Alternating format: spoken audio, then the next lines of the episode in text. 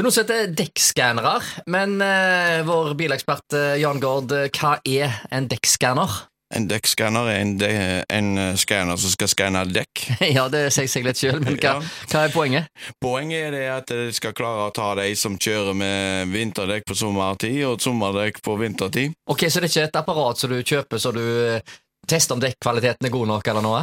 Nei da, dette er noe som eh, Biltilsynet og et, eh, et eller annet forskningsteam som holder på å lage. De holder på å lage en maskin som skal da prøves ut i 2023.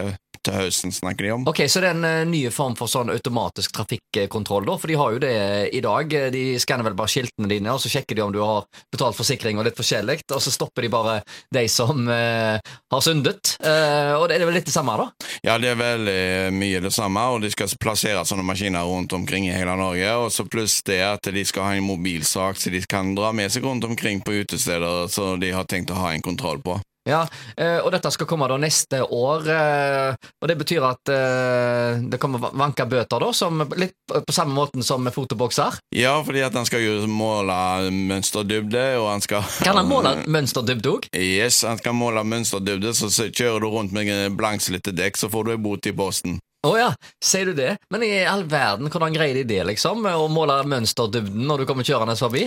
Ja, De er veldig hemmelighetsfulle da, på hvordan de gjør dette, her, så de har ikke sagt så Ja. mye om det. Men de har sagt at eh, til eh, 2023 på høsten da er det testing, og, og 2024 da skal han være utplassert. Ja, Antakeligvis så er det en sånn lasertype skanner som ligger ganske lavt, og så han skanner opp sånn at han faktisk kan ta et sånt øyeblikksbilde av dekket.